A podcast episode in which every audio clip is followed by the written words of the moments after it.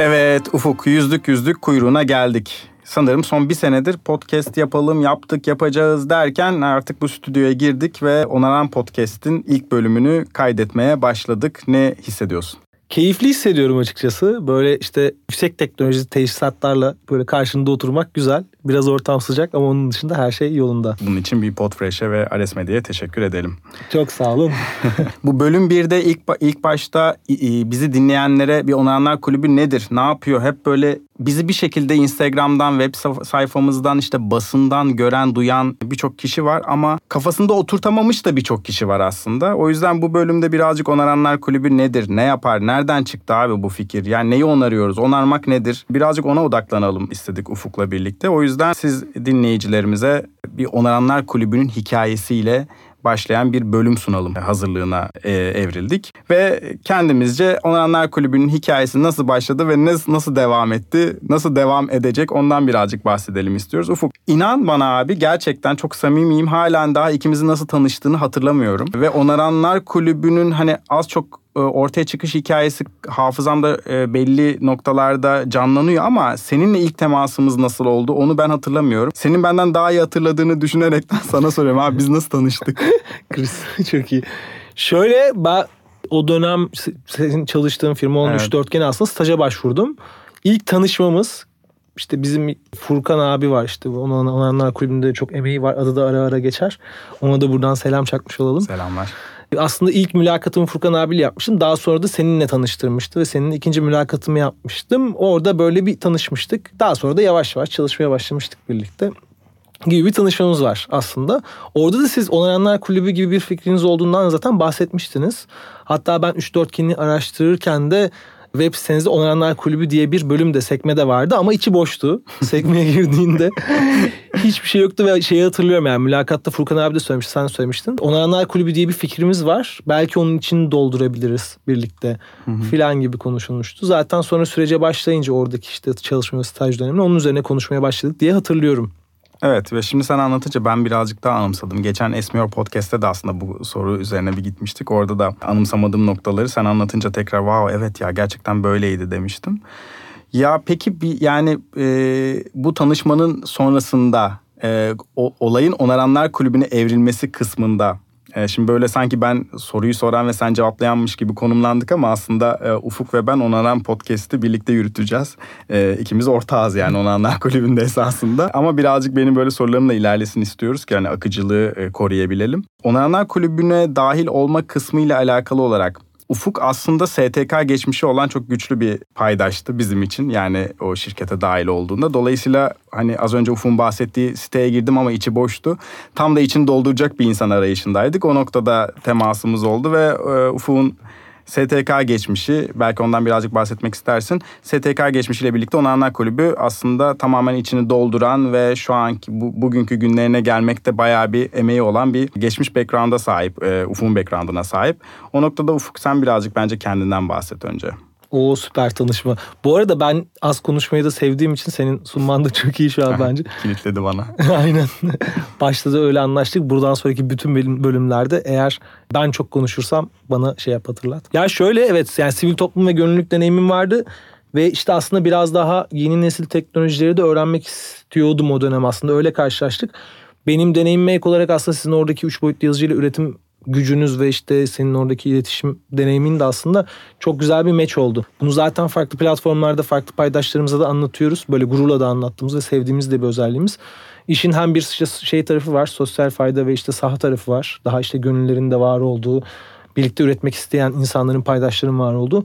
Bir de gerçekten işte üretim ve işte e, iletişim tarafı var. Orada aslında bence çok çok iyi tamamladı hikaye birbirini. Yani orada sadece benim taraf değil ama aslında güçlerin bir şekilde denk gelip çarpışmasıyla ilerledi ve çok organik gelişti bu arada. Yani evet. ben hiç şey hatırlamıyorum ya bir şey bir kulüp olsa da böyle şey yapsak falan ilerlesek. Çünkü şöyle bir şey oldu bu arada. Mesela bunu tabii daha ileride anlatırız ama ilk projemizin böyle bir tane prototipini yapıp yap yaptık. İşte sokağa entegre ettik. Ben iki tane fotoğraf çektim.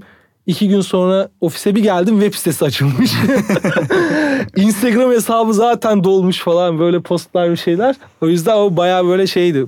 Aslında çok organik gelişen bir Evet. süreçte. Evet yani Ufuk'un dediği gibi ona Onanlar Kulübü'nü hadi kuralım bu bir sosyal girişim olsun arkasından kitleleri yürütsün falan gibi bir ne bir business planı vardı ne bir e, hani böyle genel bir plan akışı vardı. Aslında biz birazcık da o onarma kültürünü elimizdeki üç boyutlu yazıcı e, imkanıyla bir araya getirip toplulukla nasıl buluşturabiliriz içgörüsüyle aslında e, adım attık. Ve ilk projemizi yaptık. Yani ilk projemizde işte sokakta bir aksiyon almaktı. Neden sokakta? Çünkü sokak herkesin her demografiden insanın, e, her background'dan insanın ortak buluşabildiği e, en geniş alan aslında. Dolayısıyla sokaklarda biz bir şeyleri dönüştürsek e, her kesimden insana çok rahatlıkla ulaşabiliriz ihtiyacıyla aslında hareket ettik. Adından da anlaşıldığı gibi yani ben de senin söylediklerini birkaç bir şey ekle, eklemek istersen. Ha, bu arada ben de Doğukan. Çok iyi. Bu arada ben de Doğukan. Ee, ben de esasında endüstri mühendisiyim. Ufuk'un bahsettiği şirkette uzun yıllar pazarlama e, tarafında görev aldım. Çeşitli sosyal girişimlere bir şekilde hem danışman konumunda hem iletişim konusunda da destek verdim. E, bugün geldiğimiz noktada da tam zamanlı olarak Onanlar Kulübü'nde Ufuk, ben ve diğer dört kişilik e, takım arkadaşlarımızla birlikte aktif olarak bu sosyal girişimi yönetiyoruz. Bu kısa e, girişin ardından tekrar devam ediyorum.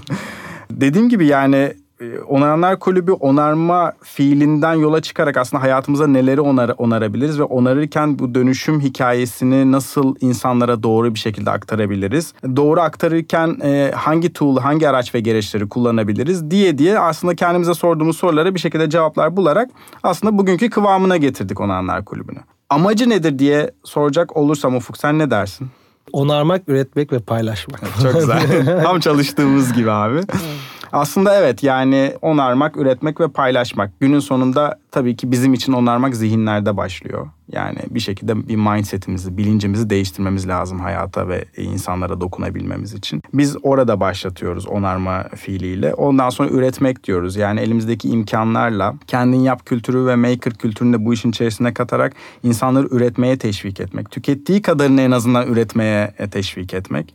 Ve en sonunda da tabii ki paylaşmak. Yani birazcık daha senin betimlemelerini açacak olursak. Elimizdeki bilgiyi, deneyimi, tecrübeyi başka insanlarla paylaşmak. Bunun da çok değerli olduğunu düşünüyoruz. Dolayısıyla Onaranlar Kulübü nedir diye soracak olanlara Onaranlar Kulübü onarma, üretme ve paylaşma e, ekseninde kent ve insan arasında diyalog geliştiren e, projeler üreten bir sosyal girişim.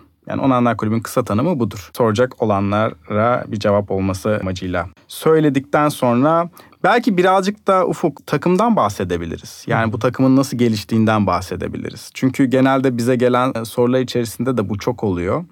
Ya Onanlar Kulübü takımı kaç kişiden oluşuyor, neler yapıyor, Onanlar Kulübü'ne dahil olmak nasıl olur vesaire vesaire. Bu sorulara da cevap olması açısından belki takımı bir tanıtabiliriz bu ilk bölümde. Neden olmasın ha? Olur olur bence çok iyi olur. Girmek ister misin? Hadi ben hadi bana yine kitledin. Zaten kendimizi tanıttık. Ufuk ve ben Onanlar Kulübü'nün kurucu ekibinde yer alıyoruz. Bizimle birlikte Aytekin var. Hı hı. E, Nilüfer var, Merve Naz var ve Cansu var. Her birinin de çok ayrı değerleri var ve hepsinin Onanlar Kulübü'ne dahil olma hikayesi birbirinden organik ve eğlenceli ve keyifli. Yani hiç Böyle biz şimdi takım kuruyoruz, ilanlarımızı açtık, hadi gelsin insanlar şey, portfolyoları seçelim birisini falan gibi değil. Tamamen projelerle ve tamamen organik bir şekilde gelişti. Hatırlıyor musun Aytekin'in ne zaman dahil olduğunu mesela? Aytekin bizim ilk projelerimizi işte biz üretirken o işte daha doğrusu ürettikten sonraki montaj sürecimizde e, ya bu arada bir Aytekin benim çok çok yakın arkadaşım 11 yıllık falan evet. bir arkadaşlığımız var. E, Kadıköy'de şeylere doğal gaz kutularına saksı takmaya gidiyorum kanka gelir misin dedim. Geleyim ya olur dedi böyle. Hani bizim çok böyle şey işte geldi benimle o fotoğrafçılık da yapıyor aynı zamanda. Fotoğraflarımızı çekerek işte oradaki elinde böyle çok fazla iş tutar. Yani verin şunu onar veya şunu yap. işte şuraya hemen bir bilmem ne kulübesi yap dersiniz. Yapar, yapabilir çok hızlı bir şekilde. O fotoğraf çekerken birden işte bir şeyleri yapıştırmaya da başladı. Bir baktık daha sonra bir atölyemizde işte bir eğitmenlik yapmaya başladı filan derken o böyle inanılmaz organik bir şekilde işin içerisine dahil oldu. Eklenti oldu. evet, evet, evet. Yalnız şu, şu an şunu fark ettim podcast'i yayınlamaya başladığımızdan beri. E, hatırlanması gereken her şeyi sana soruyorum. ben de nedense o hafıza şey olmuş. Onarılması gereken bir durumda. Cansu'yu hatırlıyor musun? Şu anki proje yöneticimiz. Evet evet. Cansu da şöyle biz işte ilk 3 3-4 proje yaptıktan sonra İstanbul Komik Sanat Festivali katıldık. Orada bir işte stand alanımız vardı. Cansu da zaten karakter olarak fazla fazla üreten, evdeki her şeyini kendi yapan bir karakter. Evet. O yüzden bizim kentte kendimiz için bir şeyler üretiyor olma motivasyonumuzu böyle e, görüp çok heyecanlanmıştı. Böyle gelip bizle tanıştı, bizim standta vakit geçirdi, yaptığımız projelere baktı falan derken böyle etkinliklerimize gidip gelmeye başladı falan. Sonra bir baktık ki beraber sokağa çıkıp aa şuraya da şunu mu taksak, işte bankın oraya bir şey koysak da insanlar kahvelerini rahatça koyabilse falan dediğimiz bir yere gelmiş aslında. Çok organik dahil oldu o da. Evet. Cansu ile ilgili şöyle bir detay verebilirim. Evine ilk gittiğimde Cansu bunu nereden aldın, şunu nereden aldım diye sordum. Abi onu ben yaptım, onu da ben yaptım, şunu da ben. Abi bunda mısın? Hani hani her şeyi yapamazsın. İnanılmaz bir ekip arkadaşı gerçekten. Ee, ona buradan tekrar selam olsun. En komiği bence Nilüfer. Nilüfer'in takıma dahil olma hikayesi. Chris evet evet. Onu da ben, ben mi? e tabii ki sen anlatacaksın çünkü senle başladı o. Ya şöyle ben şimdi tabii gençken yaramaz bir çocuktuk. İşte Edirne'de okudum. Ben İstanbul'a geldikten sonra nedenini hiç bilmediğim bir şekilde kendi ikametgahımı Kadıköy'de bir arkadaşımın evine aldırdım ve hasbaya kadar seçimlerde beni işte şey yapmışlar. Sandık görevlisi yapmışlar. Hiç haberim yok orada yaşamıyorum falan.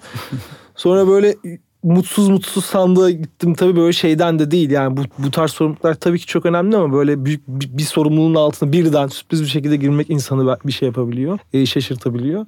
Orada da işte Nilüfer, Nilüfer de sandıkta görevli olmuş orada biraz sohbet ettik falan Onaranlar Kulübündenim deyince ya işte ben hani tercüme tarafında çok ciddi kendimi geliştirdim ve işte proje yöneticiliği yapıyorum her türlü konuda destek olurum dedi ve böyle çok hiç gitmek istemediğim bir yerde işte böyle çok inanılmaz bize değer katan birisiyle tanışıp ekibe dahil olduğu bir süreci aslında böyle yaşadık. O da bayağı keyifliydi. Ya işte senin o gittiğin e, mutsuz gittiğin e, seçim günü Nilüfer bizim takıma dahil oldu çok da değerli bir şekilde. Şu an içerik koordinatörü olarak takımda görevini başarıyla sürdürüyor. Ama aramızdaki tek part time diyebileceğimiz hani normalde profesyonel bir iş hayatına devam ediyor Nilüfer. Ee, dolayısıyla bizimle tam zamanlı olamıyor ama boş olduğu her vakit bizimle birlikte. Ve gelelim Merve Naz'a. En son ki takım üyemiz ve yaş ortalamasını en e, aşağıya çeken e, sevgili üyemiz, sevgili e, takım arkadaşımız Merve Naz. Merve Naz'la nasıl tanıştık Ufuk? Merve Naz'la da onunla da böyle çok bizim için en azından güzel bir tanış, tanışma var. Eskişehir'de Merve Nazlar e, Eskişehir'de Feyz diye bir etkinlik düzenliyorlardı. Feyz evet, değil mi? Evet evet. E, Feyz diye bir etkinlik düzenliyorlardı ve aslında bizi oraya işte bir panel bir panelde söyleşide konuşmacı ve işte konuk olarak çağırmışlardı. Oradan tanıştık ve işte oradan sonra da bir dostluk, bir arkadaşlık gelişti. Bir süredir de hep böyle konuşuyorduk, haberleşiyorduk. Yani işte birlikte bir şeyler yapabilir miyiz? Sen bize nasıl destek olabilirsin falan. Ve işte bir şekilde bizim projelerimize ilk başta gönüllü olarak dahil olup böyle işte e, bizim yaptığımız kent ekleme atölyemize ilk dahil olmuştu. O dahil olup daha sonra bir baktık gerçekten inanılmaz bir katma değere sahip ve çok hızlı bir şekilde aslında kendini entegre etti sürece. En yeni takım arkadaşımız Evet. ve hatta belki de sürece en hızlı dahil olan, olan. aynı adapte olan takım arkadaşımız Mesela biz de artık yani böyle hepimiz tam zamanlı çalıştığımız için onun da adaptasyon süreci daha da kısa sürdü.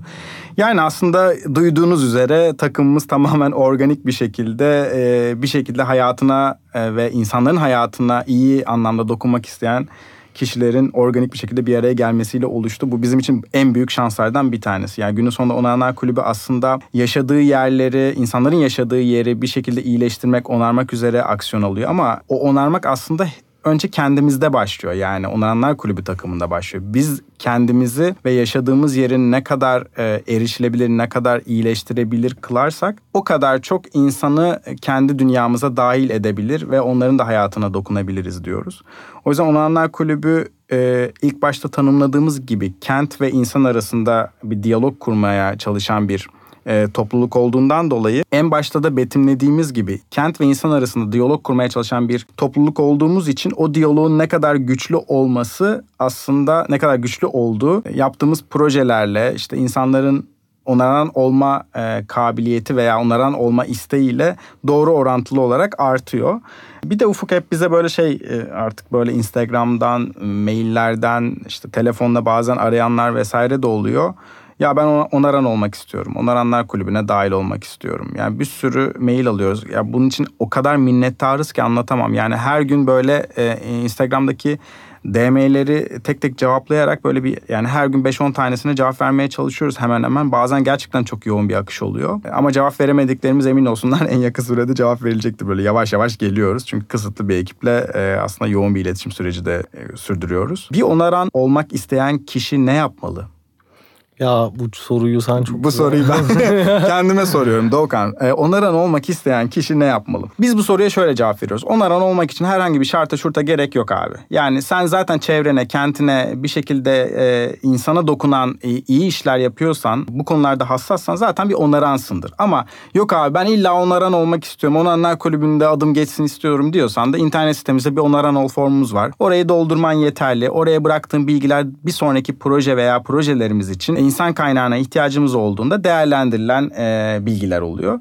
Dolayısıyla e, onaran olmak isteyenleri Instagram sayfamız veya e, internet sayfamızdaki onaran ol formuna yönlendirmemiz galiba anlamlı olur. Ama onaran olmak hiçbir zaman e, bir form doldurmayla e, yeterli bir şey değil. Gerçekten çevremize, kendimize ve insana hassas olmayı gerektiren bir durum. Bu podcastimizde Ufuk'la birlikte Onaranlar Kulübü'nün ne olduğundan, nasıl ilerlediğinden, nasıl projelerde e, hayat sürdürdüğünden bahsettik. Birazcık takımdan bahsettik. Bundan sonraki bölümde de aslında Onaranlar Kulübü'nün bir projesinin uçtan uca nasıl geliştiğinden bahsetmeyi planlıyoruz. O da en çok merak edilen konulardan bir tanesi. Bir projeye bir gönüllünün nasıl dahil olduğu, o projenin nasıl hayata geçtiği, marka işbirliklerimizi nasıl yaptığımız gibi gibi detaylara değinmek istiyoruz. Şimdilik bizi dinlediğiniz için teşekkürler diyorum. Evet evet çok çok sağ olun. Çok keyifli Doğukan seninle burada sohbet etmek. Eyvallah benim için de öyle. Ares Medya ve Podfresh ekiplerine tekrar teşekkür edelim ve Çok teşekkürler. Gerçekten bu inanılmaz bir imkan. Ee, bizim için de bir güzel bir deneyim oldu. O zaman tekrar görüşmek dileğiyle. sevgiler. Sevgiler.